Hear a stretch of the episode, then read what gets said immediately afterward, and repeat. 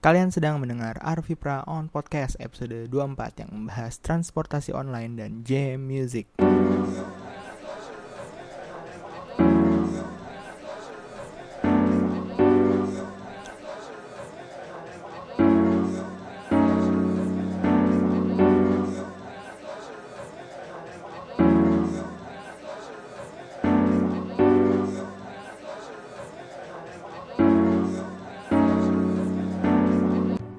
Apa kabar semuanya?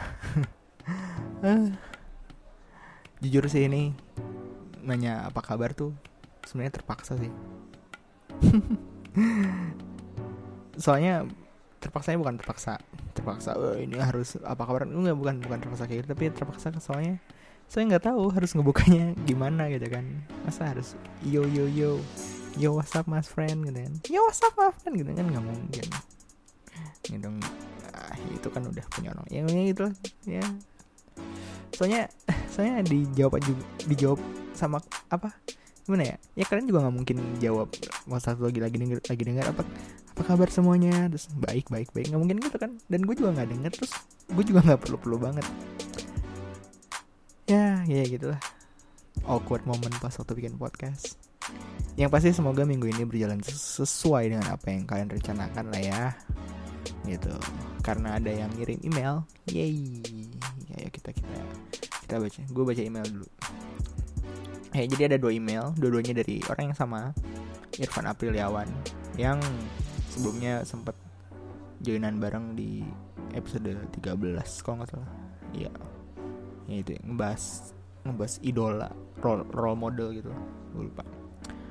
Oke eh, jadi email dari Irfan uh, V musik di episode yang balas dengan karya sedikit mengganggu pas lagi naik. Suara lu sedikit tenggelam kurang nyaman aja dengerinnya oke ntar gue benerin. Makasih sarannya. Lalu email yang kedua gue nggak tahu sih ini lu ngirim email tuh kenapa harus dua-dua gini deh? Terus waktunya juga cuman beda sejam Emang nggak tahu ya nggak tahu juga sih. Oh mungkin ini oh mungkin oh mungkin ini. Mungkin ini yang yang yang email pertama itu buat yang episode yang bahasan karya yang email kedua tuh yang tentang apa Guardians of the Galaxy kali ya. Itu oke. Yang email kedua ini dari orang yang sama juga. Em, menurut gue GOTG bagus dan berbeda dari Marvel lain.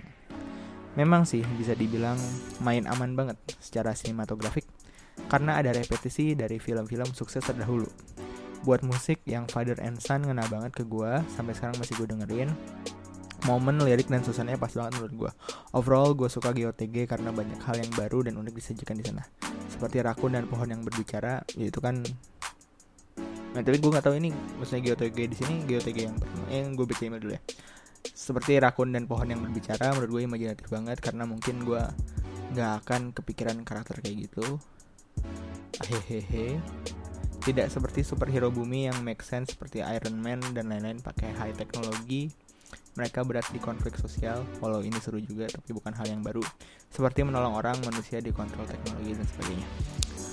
Oh ya itu tadi ulasan dari Irfan ya mengenai GOTG volume 2 yang sebenarnya juga udah nggak ada lagi ya di bioskop. Eh, baru gue baca. Eh, ya, ya gitulah. Eh, tadi gue ngomong ngebahas apa sih? Oh yang ini ya yang gue suka GOTG karena banyak hal yang baru. Ya yang gue nggak tahu deh ini lu ref- refernya tuh ke GOTG volume 2 atau volume yang pertama gitu kan. Soalnya yang pertama juga kan rakun pohon berbicara juga ada. Tapi nggak tahu mungkin ini kayaknya ke GOTG nya aja sih. Ya, ya udah itu email yang udah mengirimkan ke email ke gue cuman Irfan tadi itu aja kalau kalian mau komentar kayak tadi gitu kan eh ini eh, jelek nih suaranya nah, nah, nah, nah, nah, nah. terus kalau misalnya mau nanya mau ngasih usul mau ngasih usulan juga mau merasa pintar mau merasa merasa lebih dari segalanya dan segala macam ya bisalah kirim ke kotak surat at arvipra.my.id nanti gue jawab dan bahas di podcast kayak tadi. Kita masuk ke berita pilihan langsung ya Oke, berita pertama dari Google yang minggu lalu mengadakan event Google I.O. 2017. Di event tersebut, Google mempresentasikan Google Assistant, Google Lens, Google Photos, YouTube, Android O, dan masih banyak lagi. yang terbaru dari Google pas waktu kemarin di presentasiin itu adalah Google Lens sebenarnya konsepnya mirip Google Goggles itu tuh udah ada udah udah lama lah udah dari 2000 berapa Android muncul tuh udah ada tapi bedanya sama Google Goggles ini uh, dia didukung sama Google Assistant sama machine learning jadi lebih optimal dan menganalisa objek. Kalau misalnya ada yang belum tahu Google Lens dan Google Goggles ini, Google Goggles ini apa? Jadi simpelnya tuh kayak pakai kamera lu nih, kamera kamera HP, kamera HP lu, lu point and shoot suatu objek nanti si si aplikasinya itu si Google Google atau si Google Lens ini dia akan menganalisa objeknya terus kayak ngasih memberikan apa ya search result yang sesuai dengan objeknya tersebut. Kayak misalkan aduh ini aduh ini lucu banget nih barang tapi nggak belinya di mana sih? Terus kayak ah, lupa ah, ya udah nih gue coba ini pakai Google Lens. Trot. Nanti ada hasilnya kayak misalnya beli di mana apakah di Amazon dijual dan segala macam kayak gitu sih Terus selain gue dari Google Lens dan Google Goggles juga ada dari YouTube atau YouTube, YouTube lah ya. YouTube itu ntar ada fitur super chat di live streaming. Dengan super chat ini viewers mengeluarkan sejumlah uang. Nanti si chatnya itu akan dipin gitu, maksudnya maksudnya dipin tuh dia akan nongol di paling atas, nggak nggak ketimpa sama chat-chat yang kere, yang nggak bayar kayak gitu.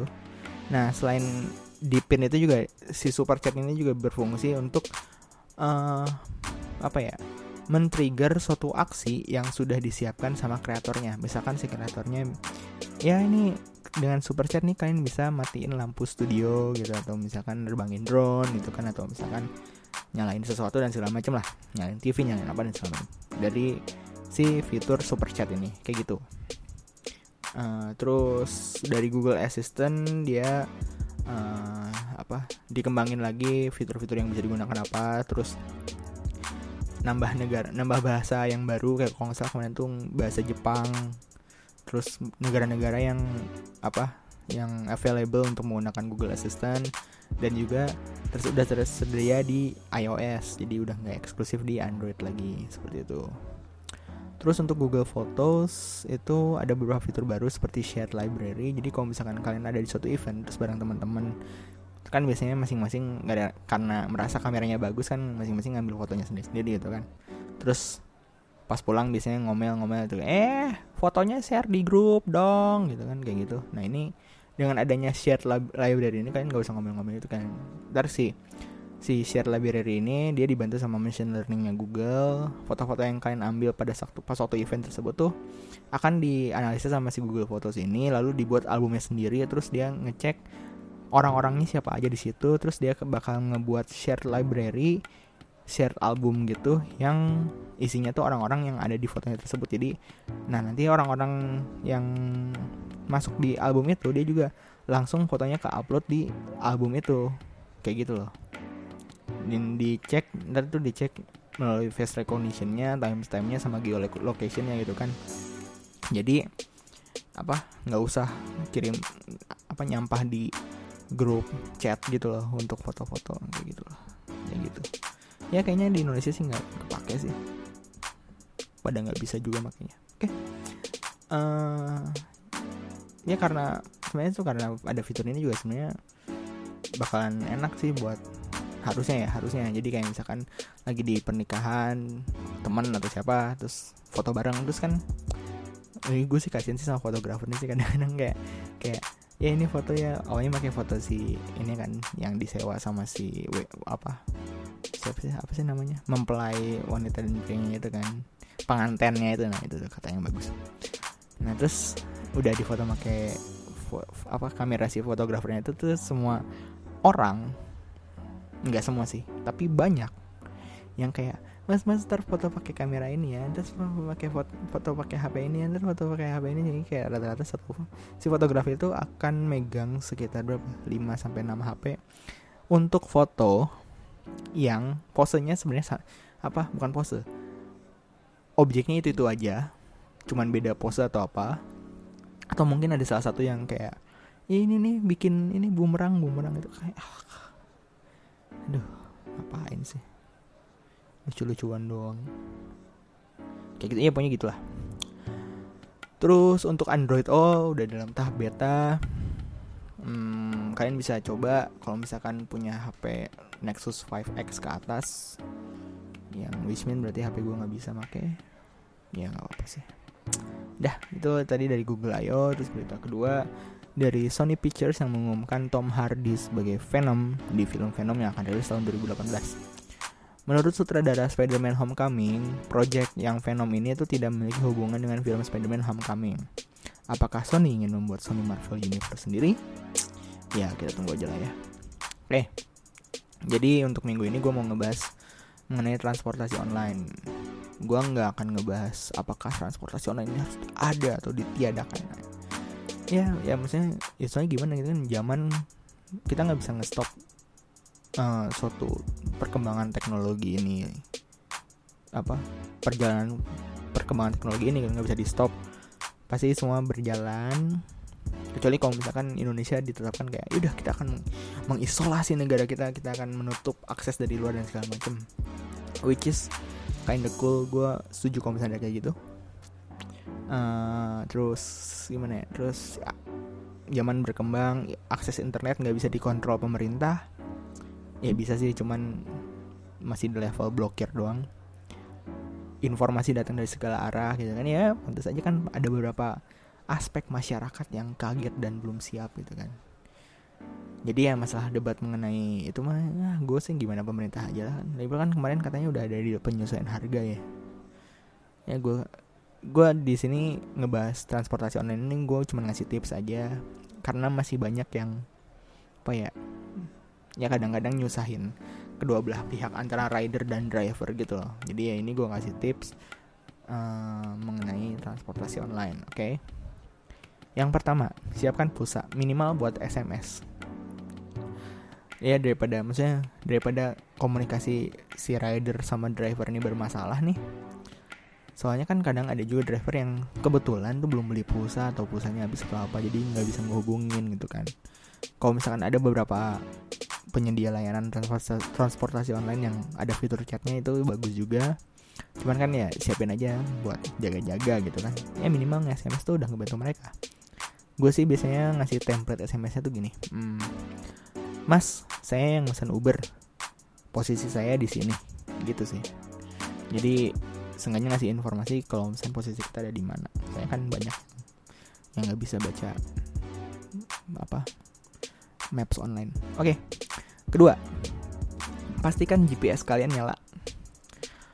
Untuk Android kalian bisa buka setting cari opsi location terus dinyalain dan ubah modenya ke high accuracy Mode tersebut itu dia menggunakan sinyal BTS sama GPS untuk menentukan lokasi kalian. Jadi lebih akurat lah. Ya nama juga high accuracy gitu kan. Kalau iPhone ya pastikan aja fitur locationnya itu dalam mode on. Udah sih itu aja cukup kalau iPhone. Uh, banyak kasus soalnya si rider ini mesennya di A tapi aplikasinya tuh tercatatnya di B karena lupa nyalain GPS atau apalah. Jadi dia si posisinya tuh cuma ditentukan oleh uh, apa trigonal BTS-nya aja gitu yang di mana itu tingkat keakuratannya tuh nggak terlalu tinggi ya gitulah. Oke. Okay. yang ketiga yang ketiga tuh coba kalian ordernya tuh di tempat yang jelas. Maksudnya jelas di sini tuh ada petunjuknya ada ciri yang bisa dideskripsikan atau ada acuan yang jelas gitu. Paling umum sih gue kalau mesen transportasi online itu gue minta jem apa dijemputnya tuh di convenience store gitu ya Alfamart, Indomart, Sevel ya gitu gitulah soalnya kan satu bisa dicari di Google Maps gitu kan.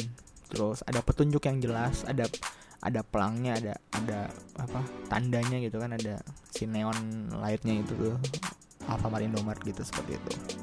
Terus kadang-kadang juga kan rata-rata ada tempat parkir buat mobilnya gitu kan jadi kayak nggak nggak ngerepotin nggak ngerepotin orang lain juga. Maksudnya kayak uh, bisa melipir. Jadi jalanannya tuh tetap lancar jadi nggak bikin macet dan segala macam lah. Gitu. Yang jelas uh, bikin si drivernya nyaman gitu kan. Dan rider juga nggak usah repot-repot apa nggak usah pusing gitu ngasih tahu di posisinya di mana gitu kan. Kan kadang suka ada yang ribut-ribut nggak jelas tuh karena miskomunikasi masalah posisi itu. Iya mas di sini kayak kayak gitu kayak lah itu sebenarnya paling repot itu tuh sepengalaman gue tuh di stasiun stasiun kereta. Soalnya jalan raya di sekitar stasiun itu tuh ada larangan untuk stop. Belum kadang-kadang tuh ojek pangkalan atau angkotnya tuh ada yang jealous dan segala macam. Jadi ya gitulah. Kalau gue sih karena gue sih males banget nih buat ribut-ribut nggak jelas itu kan terus ngerepotin drivernya lah atau apalah segala macam ya gue cari cari point of interest terdekat itu entah itu restoran fast food entah itu convenience store entah itu mall entah itu apa. Jadi uh, apa sama-sama menguntungkan dua belah pihak aja walaupun kadang kadang gue harus jalan rada jauh gitu kayak gitu sih. Cuman ya ya daripada repot itu kan dan segala macam terus kalau misalkan tapi kalau misalkan kalian nggak mau capek gitu ya karena harus jalan. Ya ya terima konsekuensinya aja gitu. Nggak usah whining oh ini wah gitu. Oh ya uh, kasih tahu juga lo lagi pakai baju apa gitu. Nggak usah detail nggak usah ya ini saya pakai baju merek ini uh, unik loh gitu. Atau enggak uh, H dan M gitu nggak usah kasih tahu warnanya aja misalkan kayak ya ini gue pakai sweater abu gitu. Ya ini gue pakai jaket merah gitu. Ini gue pakai kaos putih gitu, kayak gitu. Gitu sih. Itu juga udah ngebantu mereka buat nyari ridernya kok. Nah keempat. Keempat itu etika. Etika ya, pas drivernya udah di posisi penjemputan hampiri ya kalau bisa basa-basi. Selamat pagi selamat siang selamat sore selamat malam pak. Nah terus kalian tadi bisa ditanya ini pakai masker nggak ya? Itu tergantung kalian pakai atau enggak dan segala macam. Terus kayak nah di apa dipastiin lagi tuj, apa tujuannya tuh sama gitu kan. Maksudnya kayak uh, apa ini kan ini kita ke sini kan? Oh iya kita ke sini kayak gitu loh. Biar sama-sama enak aja sama-sama sama-sama jelas. Kayak gitu. Terus kalau misalkan lu orangnya suka ngobrol itu ya coba aja ngobrol aja. Saran dari gue adalah cari tema yang general. Misal musik film hobi atau yang umum sih gue sih kalau misalkan si drivernya ini harus banget diajak ngobrol gitu ya.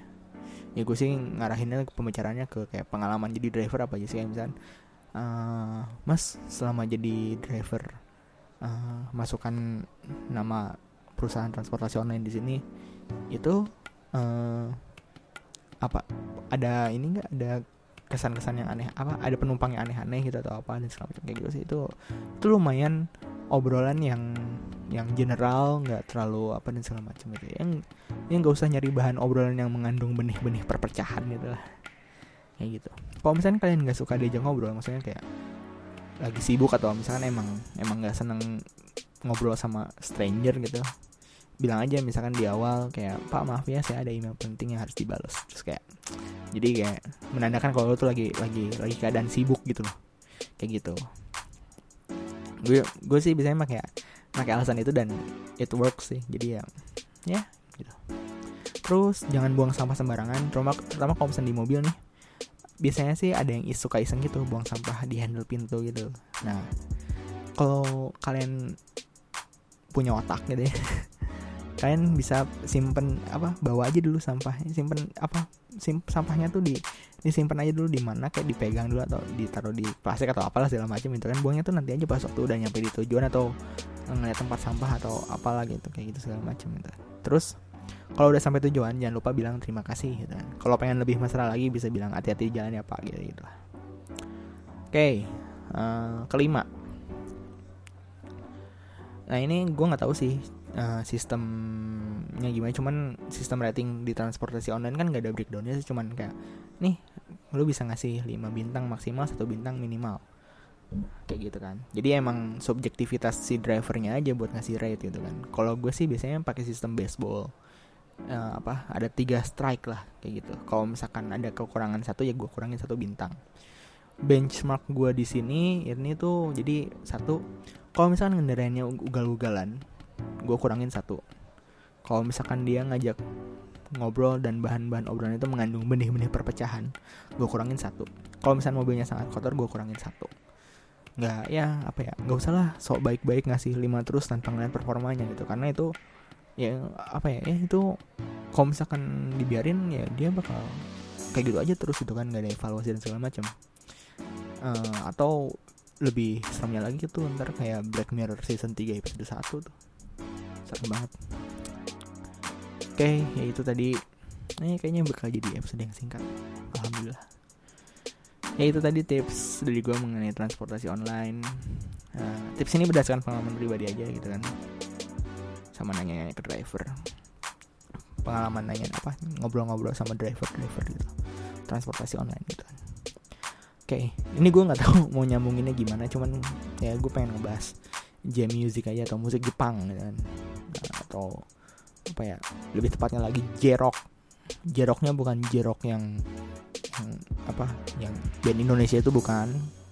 Bukan juga singkatan jilbab dan koko dan rock itu bukan bukan. Aduh tolonglah kepada kalian-kalian para mahasiswa yang masih menggunakan singkatan jerok untuk jilbab apa jilbab jilbab rock dan koko atau jilbab kok dan rock, rock apa rock gitu.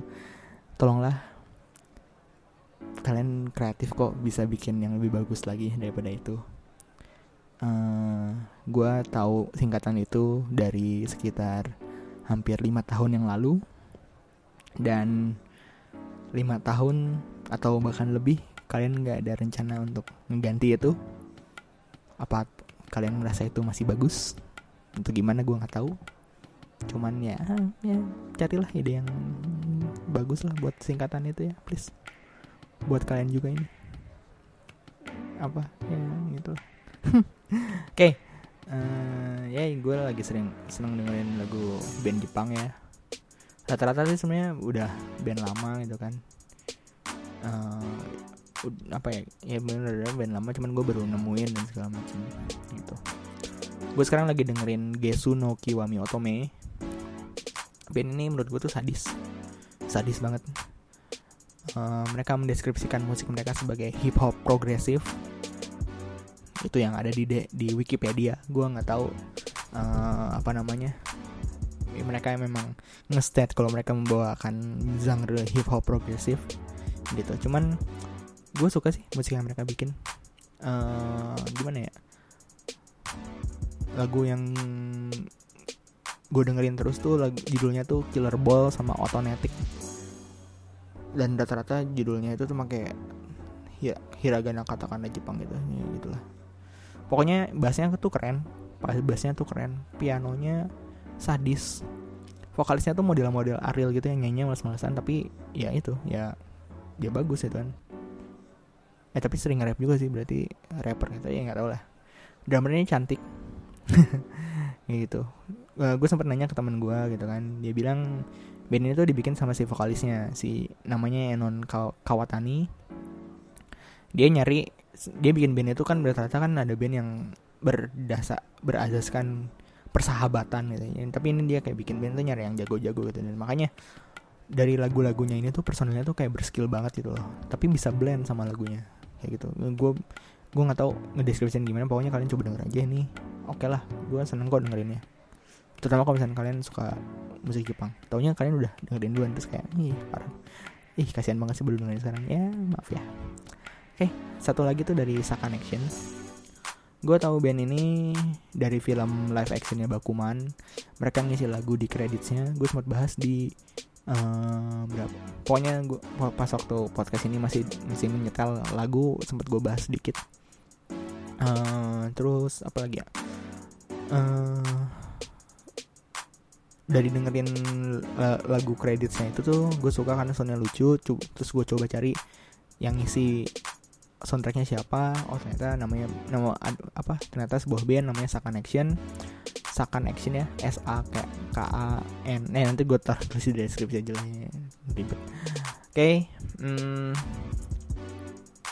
awalnya tuh gue sempet bingung gitu loh gimana caranya gue bisa masuk ke musik mereka karena lagu-lagu yang baru itu tuh sulit banget dinikmatinnya gitu kayak kayak aduh nih ada ada catchy-nya tapi ada ada anehnya gitu gitu kan sampai akhirnya gue download via torrent konser mereka yang judulnya Sakana Tribe 2014 live in Tokyo Dome. Nah dari situ gue mulai tuh penasaran sama lagu-lagu lama mereka gitu kan. Judul-judulnya tuh Aruku Around, uh, plesetan Look Around bahasa Inggris ke bahasa Jepang jadi Aruku, Aruku Around, uh, Aoi, Identity, Bach no Senritsu o Yoruniki Taseides, Music sama Endless, terus banyak banyak ya banyak lah. Gue tuh pas waktu dengerin Saka Connection tuh gue suka mikir kayak ini kayaknya kalau misalnya gue masih ngeband nih musik kayak gini nih yang gue bawain itu kan musik yang kayak di lagu Endless, Aoi, Music gitu kan kayak gitu. Uh, gue suka band Saka Connection itu karena ada beberapa lagu yang dibawainnya tuh kayak electronic dance music gitu. Tapi dibawainnya tuh kan secara band jadi jadi unsur live-nya tuh live-nya tuh masih kerasa terutama kalau misalnya kalian nonton yang konser mereka itu yang Sakana Trap 2014 live in Tokyo Dome itu ya tapi ada juga lagu-lagu yang nyentrik gitu kan lagu-lagu yang unsur Jepangnya tuh berasa banget uh, ada kayak ada instrumen tradisional Jepangnya gitulah di aransemennya gitu kan. Itu tuh ada di lagu Identity Yuruno Odoriku uh, terus lagu yang baru juga uh, kerasa banget kental banget Jepangnya gitu seperti itu. Uh, pokoknya yang udah gue sebut tuh kalian kalian coba dengerin aja deh. Gitu. Kalau misalkan Gesu no Kiwami Otome tuh kalian bisa denger di Spotify. Kalau misalkan Action tuh belum ada tuh di Spotify itu kan tapi kalian bisa akses di Apple Music atau di iTunes. Kayaknya sih karena mereka ada kontrak sama Apple gitu. Tapi nggak tahu juga ya. Soalnya gear mereka tuh kalau pas waktu mainin musik elektronik itu pakai MacBook gitu. Pakai produk-produknya Apple gitu kan. iRig dan segala macam. Eh iRig produknya Apple bukan sih? Ya pokoknya itulah. Uh, di video klip Sinta Karajima juga ada produk placement pakai MacBook gitu loh. Tapi yang nggak tahu juga sih. Soalnya itu kan asumsi gue doang terus jadi sebenarnya gue ngikutin musik Jepang tuh udah dari SM SD SD SD gue dengerin Lark and Seal uh, SMP makin sadis gue makin banyak yang gue dengerin. Uncafe, Alice Nine yang sebelah sekarang jadi E9 terus apa lagi ya? Uh, band-band yang yang suaranya macam-macam ajikan gitu ajikan uh, bam of chicken terus uh, kuliah gue coba dengerin One Ok Rock kayak gitu ya. Itulah. Saya banyak terus sekarang sekarang ini gue lagi penasaran sama Gisuno Kiwami Otome sama Saka Action dan sedihnya lagi sih ini sih kalau Saka Connection nih gue nggak nggak nemu sama sekali forum di Indonesia yang ngebahas mereka gitu kalau misalnya Arkansas mungkin banyak apa girl band boy band gitu pasti banyak. Tapi Saka Connection ini gue belum nemu. Di Kaskus nggak ada di Indo Web eh, di Kaskus ada tapi cuman dua page doang. Di DWS juga nggak ada. Facebook susah nyarinya dan segala macam. Gue nggak tahu nih Gesu, Gesu no Kiyomi Otome mau coba gue cari sekarang aja. Ya itu tadi bahasan untuk minggu ini. Silahkan share dan subscribe. Adi Peran Podcast juga ada medsos eh sosmednya. Medsos sosmednya. Ya sosmednya lah. Sosmednya nah sosial media tuh berarti bahasa Inggrisnya. Ya, berarti medsosnya udah ada medsosnya. Tapi itu fungsinya tuh cuman apa ya cuman jembatan buat yang baru baru tahu aja gitu. Kalau kalian udah udah dengerin ini sih ya apa kalian dengerin ini aja. Soalnya gue kan ngepostnya tuh kan berkala setiap selasa pagi gitu kan jadi nggak usah nggak usah nungguin apa-apa gitu kan. Yang medsos tuh cuman ininya aja apa namanya ngepost ngepost kayak promo promosi promosi dan segala macam sih. Yang kalau udah denger mah nggak perlu lah ngapain? Kayak gitu. Uh, apa lagi ya? Hmm, oh ya yang di sos di medsos di medsos itu kalau misalkan kayak di Instagram di apa nggak usah di like atau apalah. Yang di lain tuh bisa bisa gue nonaktifin tapi yang di Instagram ini nggak bisa gue nonaktifin nih taibet yang di lain gue nonaktifin tuh like nya dan segala macam karena itu fungsinya buat nyebarin informasi aja. Udah cukup. Uh, Instagram tuh gue pengennya nggak usah ada yang like tapi masih ada aja yang like. Bukan apa-apa cuman kayak ah ngapain juga sih kayak mendingan kalian denger aja daripada daripada kalian buang-buang waktu buat nge buat ngetap dua kali dan dengerin aja dengerin aja kayak gitu sih. Uh, apalagi ya? Yes si metodenya juga sebenarnya bisa dipakai buat katalog buat kalian nyari nyari tema-tema yang apa kalian suka dan segala macam. Kayak gitu. Oke okay, uh, eh, terima kasih udah dengerin. Temukan passion kalian dan jadi yang terbaik. Dah